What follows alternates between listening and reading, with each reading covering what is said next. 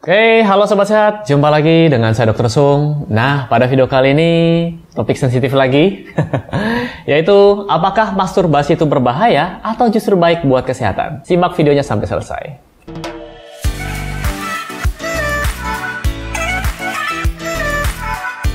Sobat Sehat, sebelum saya mulai video ini, buat Anda yang sedang mencari produk-produk yang mendukung gaya hidup sehat, seperti suplemen, vitamin, mineral, atau apa pun itu yang mendukung gaya hidup sehat, silakan kunjungi boxsehat.com. Di sana ada beberapa pilihan produk-produk kesehatan yang mungkin cocok buat Anda.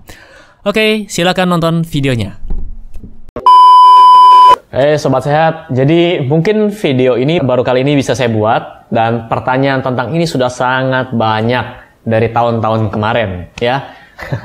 Banyak nanya di DM, dok, onani itu bahaya nggak dok? Apakah mempengaruhi kesuburan? Apakah bisa mandul? Apakah saya uh, ada gangguan mental? Apakah saya sudah kecanduan? Dan biasanya yang bertanya seperti ini, akunnya saya bisa bilang tidak jelas. Jadi fotonya, foto profilnya bukan foto pribadi. Kemudian akunnya di private. Kalaupun tidak di private, gambarnya nggak ada.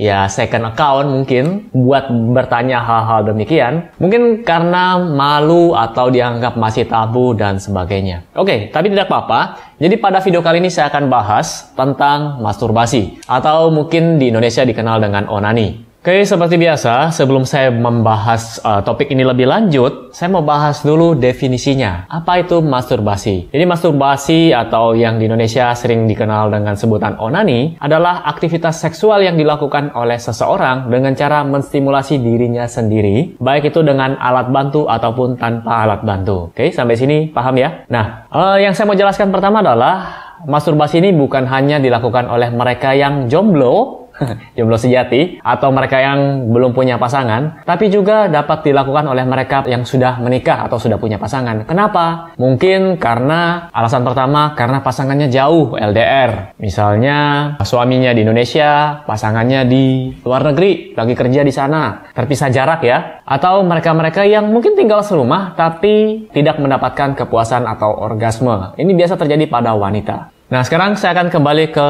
pertanyaan-pertanyaan ya. Nah, jadi di sini ada pertanyaan pertama, apakah aman? Masturbasi itu apakah aman? Jadi kalau ditanya seperti itu, jawaban saya adalah tergantung. Nah, tergantung dari cara Anda melakukannya bagaimana, frekuensinya, kemudian alat apa yang Anda pakai. Ingat, setiap orang mempunyai fantasi seks yang berbeda-beda. Misalnya, ada yang suka pakai alat bantu. Nah, pastikan buat Anda yang pakai alat bantu, pastikan alat bantu Anda yang pertama bersih dan kemudian aman dan cocok buat Anda pakai. Jadi jangan karena sudah kepengen, sudah terburu-buru, ada alat tukang, Anda langsung pakai aja ada palu, tang, obeng Anda pakai sembarangan. Jadi kondisikan uh, sesuaikan dengan kebutuhan Anda. Kemudian pelumas yang Anda pakai juga apa? Saran saya adalah cari di apotik atau ya cari di apotik ya yang sudah terbukti aman dan pastikan cocok dengan Anda. Jangan pakai oli rem, oli mesin, minyak goreng yang bekas pakai. Jadi pastikan pakai yang aman. Itu tadi. Lalu pertanyaan yang kedua, yang aman itu melakukan masturbasi seberapa sering atau seberapa lama? Jadi sampai sekarang tidak ada referensi yang menyatakan aturan masturbasi itu berapa sering atau seminggu berapa kali atau sebulan berapa kali. Karena kembali lagi tiap orang ini berbeda-beda baik itu aktivitas fisiknya kemudian moodnya usia. Jadi kembalikan lagi ke diri anda masing-masing. Nah yang terpenting adalah jangan sampai kecanduan. Kita lanjut ke pertanyaan selanjutnya apa manfaat masturbasi apakah bermanfaat jika dilakukan dalam batas normal tidak sampai kecanduan nah sebenarnya masturbasi ini dapat membuat tubuh kita menjadi rileks kemudian mengatasi insomnia, terus melepas stres, mood booster. Nah, intinya dia mirip dengan ketika melakukan hubungan seksual bersama pasangan. Jadi mungkin dari sini muncul quotes uh, seperti ini. Di balik pria sukses ada wanita hebat. Ya, pertanyaannya wanitanya di mana? Di belakang, di samping, atau di mana-mana?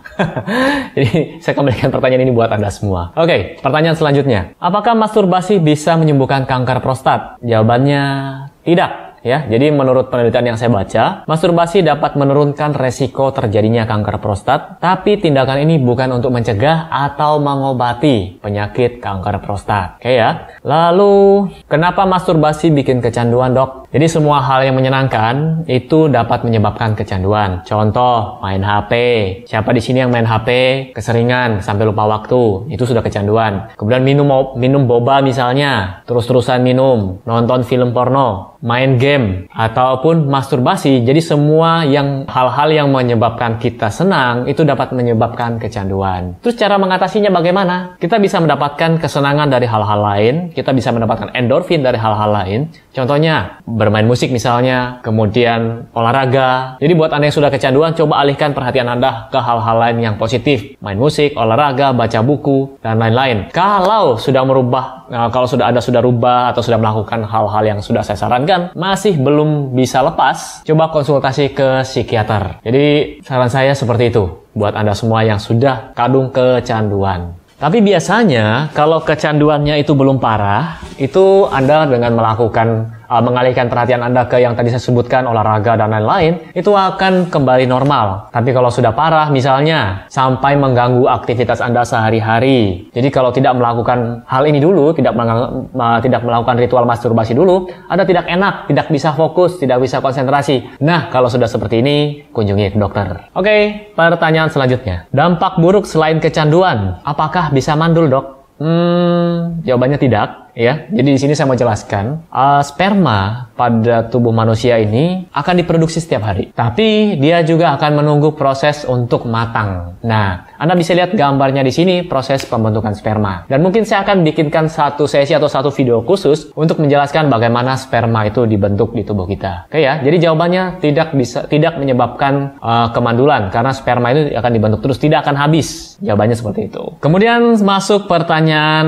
selanjutnya dan ini juga menjadi pertanyaan terakhir di video kali ini. Bagaimana cara masturbasi yang aman, dok? Nah, kalau ini saya rasa Anda semua yang tahu, Anda yang tahu batasannya sampai mana. Dan juga Anda bisa tonton ulang video saya. Sebelumnya saya juga sudah jelaskan buat Anda yang menggunakan gel atau pelumas, pakai yang aman, kemudian alat yang aman juga bagi Anda yang melakukannya dengan alat. Dan yang terakhir, jangan lupa close the door, tutup pintunya. Salam hebat, luar biasa.